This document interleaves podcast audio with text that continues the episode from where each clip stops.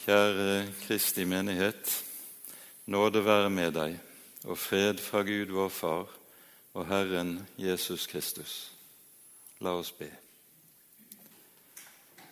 Så takker og lover vi deg, Herre Jesus, for all din godhet imot oss. Takk at du kom, kom for å ta deg av oss.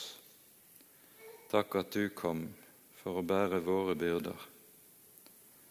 Takk, Herre Jesus, at du fortsetter å komme, komme til oss. Nå ber vi at du vil sende din Hellige Ånd, åpenbare dine ord og legge ordet inn i våre hjerter, for at vi kan lære å tro deg i ånd og i sannhet. Herre, forbarm deg over oss. Amen. Det hellige evangelium etter annen rekke for 18. Eh, søndag i treenighetstiden står skrevet hos evangelisten Matteus i det åttende kapittel, og vi leser fra vers 5.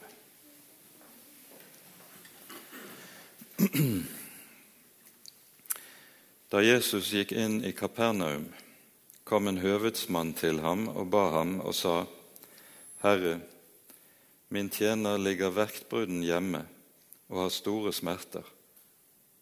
Jesus sier til ham, 'Jeg skal komme og helbrede ham.' Men høvedsmannen svarte og sa, 'Herre, jeg er ikke verdig til at du går inn under mitt tak.' Men si bare ett ord, så blir gutten frisk.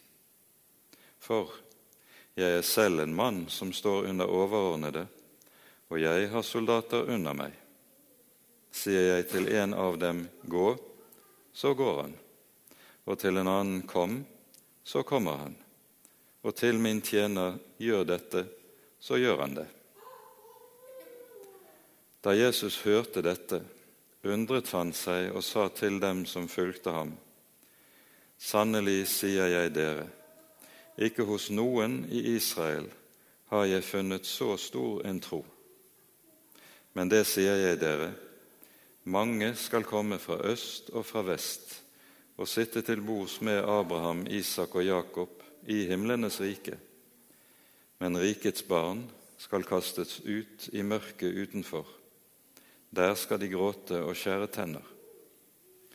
Og Jesus sa til høvedsmannen, Gå hjem.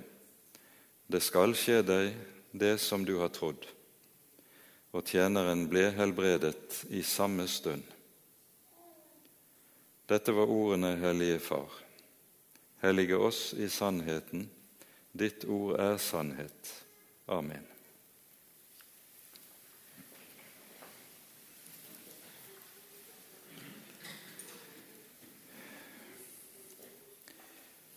I dagens tekst hører vi en av de tallrike helbredelsesfortellingene som vi finner i Det nye testamentet. Hos Matteus er det disponert slik at Matteus har samlet Jesu taler eller talestoff i bestemte avsnitt, og så har han samlet beretninger om Jesu helbredelsesunder i andre avsnitt. Konkret betyr det at Matteusevangeliet ikke kan leses kronologisk eh, når det gjelder en god del av de beretningene vi finner i evangeliet. Her er Lukasevangeliet ganske annerledes. Der er det slik at du kan lese fortellingen fortløpende som kronologisk. Men det er nå ikke noen hovedsak å si noe om i denne sammenheng. Like før det vi hører i dagens tekst, hører vi om helbredelsen av en spedalsk. Og I de gamle tekstrekkene så hørte også den teksten med til eh, tekstlesningen denne søndagen. Og Det som er særegent ved begge disse to fortellingene, både helbredelsen av den spedalske som vi hører om nå først, og dernest helbredelsen av denne tjener, tjeneren til høvedsmannen, det er det som har med urenhet å gjøre. For vi hører om den spedalske, at han kommer, faller ned for Jesus med ordene 'Herre, om du vil, kan du helbrede meg.' Og så svarer Jesus og rører ved den spedalske. Og Det å røre ved en spedalsk det var noe som var absolutt forbudt i henhold til Moselov. For den som rørte ved en spedalsk, han ble selv uren og ble dermed utelukket fra troens fellesskap.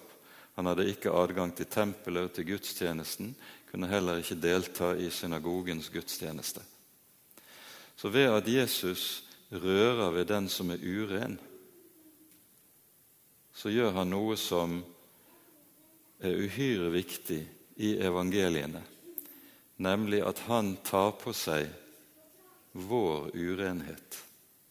Og I dette ligger det et veldig budskap om hva Jesus er kommet for å gjøre. Samme sak handler det om også i dagens tekst når det gjelder denne høvedsmannens tjener. For for en jøde å gå inn i en hedningshus, det var også noe som var forbudt, ikke tillatt, fordi en da ville kunne nettopp bli uren, og med det utelukkes fra fellesskapet, slik som vi har pekt på. Urenheten hos hedninger handlet om dette at Det handlet jo om flere ting, men ganske særlig dreiet det seg om dette at når et menneske døde, så ville alle som rørte ved de døde, ville bli regnet som urene, og alt som fantes i det værelset der den døde lå, ville også bli regnet som urent. Og urent ville det være helt til det hadde gjennomgått de renselsesforskriftene som ligger i Moselov. Fordi hedninger aldri gjennomgikk den typen renselsesforskrifter, så ville dødens urenhet alltid hefte ved en hedning. Hvilket innebar at det å gå inn i en hedningshus det ville være ensbetydende med nettopp å få del i den samme urenhet. Derfor ville en troende øh, og jøde som tok sin sak alvorlig, aldri gå inn i en hedningshus nettopp pga. urenheten. Men Jesus sier altså 'Jeg vil komme, jeg vil gå inn i ditt hus'. Hvorpå denne høvedsmannen svarer, 'Jeg er ikke verdig til'.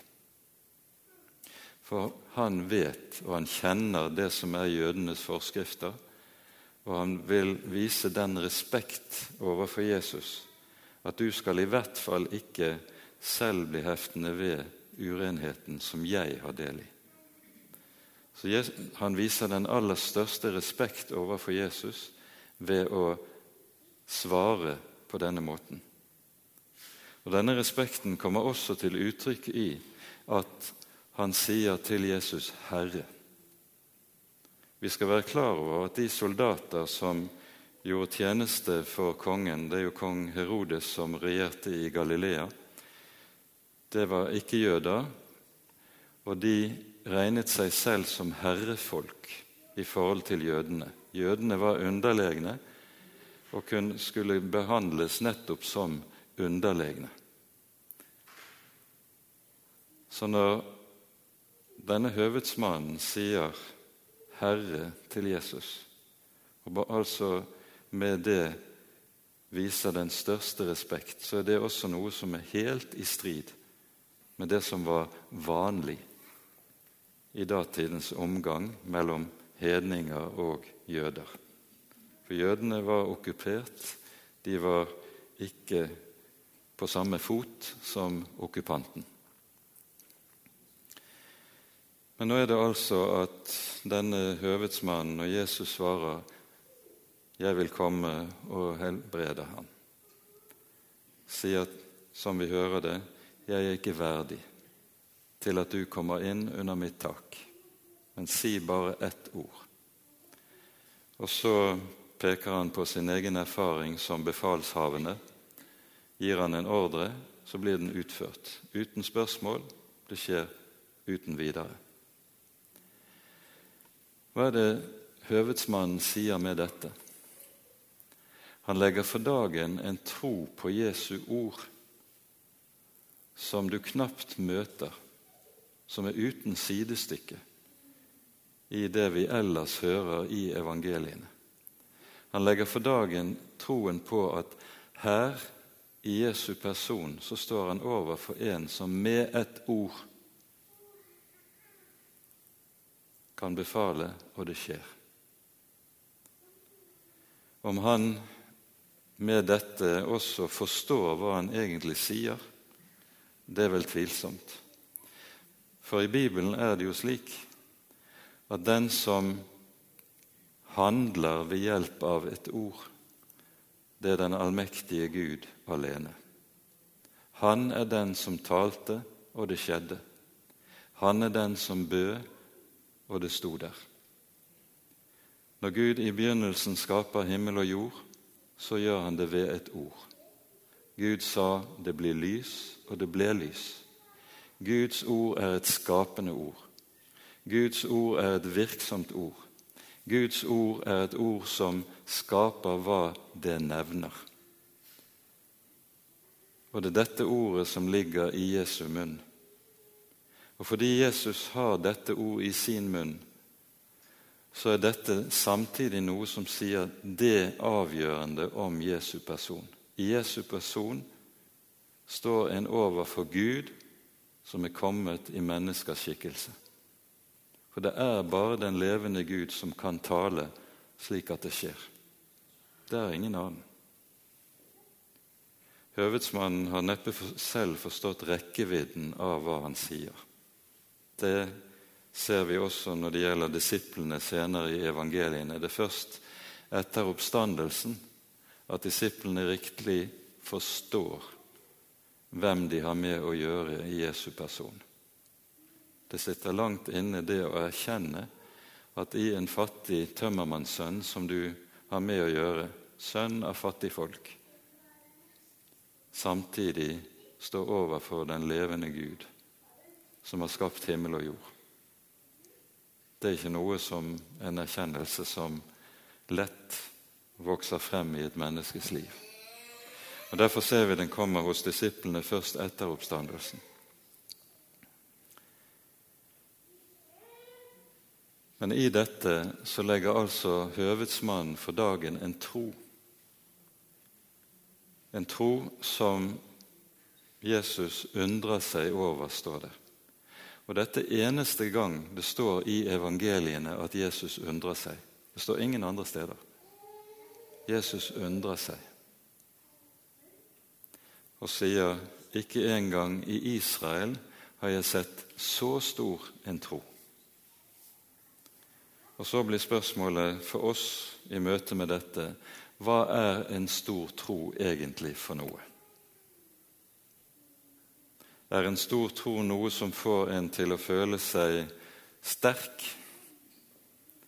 Det er mange som taler om troen som om det var en psykisk kraft eller evne som er av en slik art at man selv mer og mer føler styrke. Slik er det ikke. Troen er ikke en evne eller en kraft som ligger i våre hjerter. Troen er nemlig slik at med en gang du begynner å tale om den, og med en gang du begynner å lete etter den i ditt eget hjerte, så er den borte. Troen er noe som ikke lar seg gripe. For troen har det med seg at den, fordi den ikke lar seg gripe, så er den kjennetegnet av at selv griper, men den lar seg ikke gripe.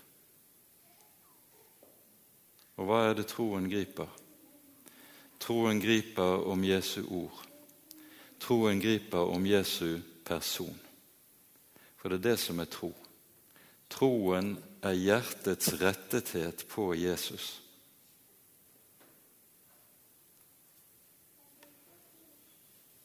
Derfor er det sånn at det Jesus kaller for en stor tro her, det har helt sikkert vært slik at høvedsmannen aldri har tenkt om seg selv at 'jeg har i hvert fall en stor tro'. Han har ikke tenkt på seg selv som en som har tro i det hele tatt. Men han har kommet til Jesus fordi han har tillit til Jesus. Tro er tillit til Jesus. Intet annet og intet mindre. Til tro er det at hjertet er rettet på Jesu person og vet at han, han er min hjelp, han er min frelse, han er min trøst, han er mitt håp. Det er tro. Og Derfor er det sånn at begynner du å lete etter troen inni ditt eget hjerte, så vil du aldri finne den. Den blir borte for deg akkurat som sand mellom fingrene. Det er en kjent anekdote fra vestlandsk vekkelsesliv som illustrerer dette ganske godt. Det fortelles om Olav Allen Senstad, som jo var prest i Gjelsa i Ryfylke. At han, han, var også formann på det lokale bedehuset. En aften så var han på vei til bedehuset og skulle tale der. Så treffer han en av de sentrale lekmannspredikantene i området, Sven Folduen. Og De blir gående sammen, spaserer på vei mot bedehuset. og Folduen spør Valen Senstad hva skal du tale om i kveld. Og Valen Senstad svarer jeg skal tale om et av mine yndlingstemaer. Jeg skal tale om troen. Hvorpå Foldøen repliserer Tal om Jesus, du, så kommer troen. Det er nøkkelen. Tal om Jesus, du, så kommer troen. For tro, det har det med seg at det, er, det er akkurat det samme som med tillit mellom mennesker. Hvordan får jeg tillit til Harald? Hvis Harald, jeg ikke kjenner Harald overhodet, og han kommer bort til meg og sier 'stol på meg', vil jeg da gjøre det? Selvfølgelig ikke, for jeg kjenner han ikke. For at du skal ha tillit til et annet menneske, så må du lære det å kjenne. Og så forstår du dette mennesket er troverdig. Dette mennesket er tillitvekkende. Dette er en som er til å stole på. Og Når du lærer å kjenne dette mennesket som troverdig og som en som er til å stole på, da kommer tilliten av seg selv. Du behøver ikke arbeide på ditt eget hjerte for da å stole på et annet menneske. For du har lært vedkommende å kjenne som troverdig, og da kommer tilliten. Og Sånn er det med troen på Jesu person også. Du hører ordet om Jesus, du får forkynt evangeliet om Jesus, og gjennom budskapet lærer du ham å kjenne. Og så vokser troen frem. Tal om Jesus, du, så kommer troen. Så enkelt er det og samtidig så vanskelig. Og Derfor er det også at det er så avgjørende at det tales sant, rett og godt og klart om Jesus, om Jesu person om hva han har gjort. For der Jesus kan tegnes sant og klart for våre hjerter, der kommer troen. Der vokser den frem. Klart, enkelt og tydelig. For tro er tillit. Og Dette er viktig å være klar over i våre dager, for i dag, våre dager tales det veldig ofte om tro på en måte som er dypt forvirrende. For det første tales det om tro som mer allmenn tro på Gud. Tror du på Gud? Ja, sier folk. Men ingen er kristen fordi om de tror på Gud. Det er mange slags tro på Gud. Muslimer tror på Gud. Jøder tror på Gud. En allmennreligiøs nordmann tror på Gud. Tro på Gud er ikke kristen tro. Kristen tro det er tillit til Jesus. Tillit til at det Jesus har gjort, det gjelder for meg. Det er kristen tro. Og Videre er det også viktig å være klar over at tro er noe langt mer enn en rent sånn teoretisk overbevisning som sitter oppi et menneskes hode. Fordi tro først og fremst er tillit, så er det akkurat som med oss mennesker. Tillit det er noe som finnes i et personforhold mellom to personer. Og Derfor er kristen tro som tillit til Jesus det er noe som setter meg i et personforhold til Jesus selv. Jeg lever med Jesus, jeg tror på Jesus, jeg setter min vei i hans hånd. Og så stoler jeg på ham.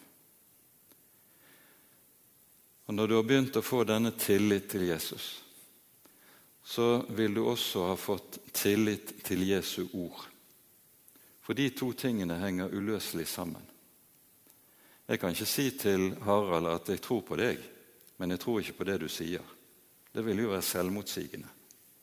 Tror du på en person, stoler du på en person, så stoler du også på det han sier. Og Sånn er det med troen. Stoler du på Jesus, så stoler du også på det Jesus har sagt. Tro på Jesus er ensbetydende med tillit til det Jesus sier, til hans ord og til hans løfte, til hans bud og hans befaling. De to tingene henger uløselig sammen. Og Dette ser vi jo også i evangeliene, at troen kan aldri skilles fra ordet. Troen og ordet henger sammen, akkurat som troen og Jesus henger sammen. Så hører vi at Jesus her taler om en stor tro. Vi har pekt på at denne høvedsmannen ganske sikkert ikke tenkte om seg selv at han hadde en stor tro. Han seg, følte seg jo selv tvert om uverdig. Følte seg liten, følte seg hjelpeløs i møte med Jesu person.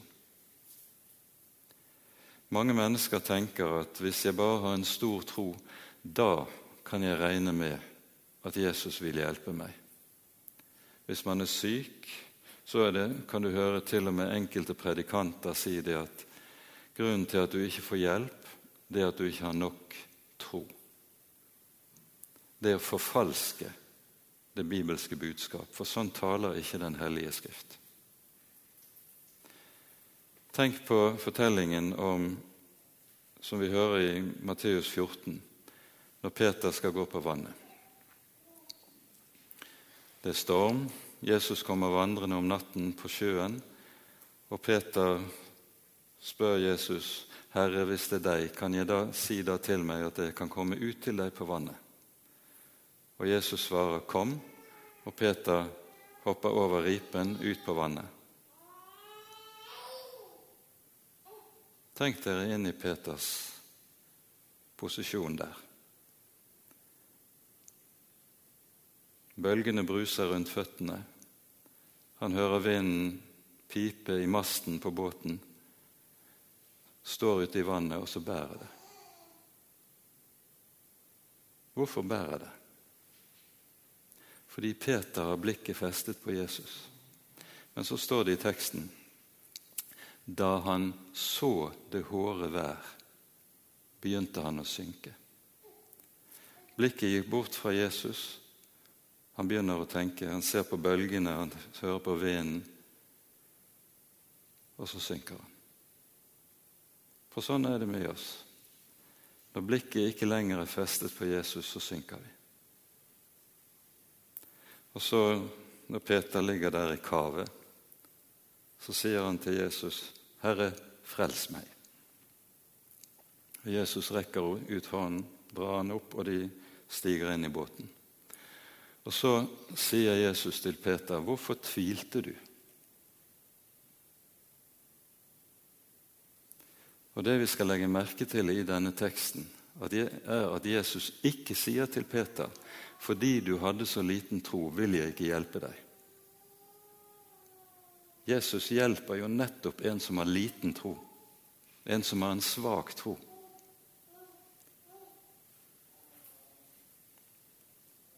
og det er evangeliet.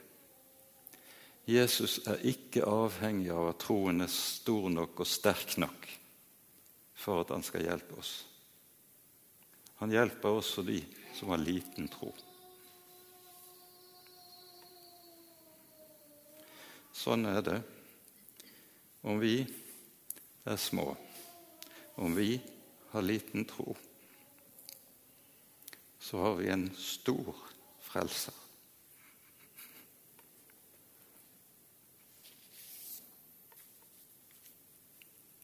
Det er kristendom, mine venner. Vi skal få komme med vår lille tro. Vi skal få komme med vår skrøpelighet. Vi skal få komme med vår uverdighet og vite vi har en stor frelser som tar seg av de små, de hjelpeløse, de uverdige. Men de sterke og de verdige sendes bort. De har ikke plass ved Abrahams og Isaks og Jakobs bord. De sterke hører ikke til der, bare de små. De små som er avhengige av Jesus.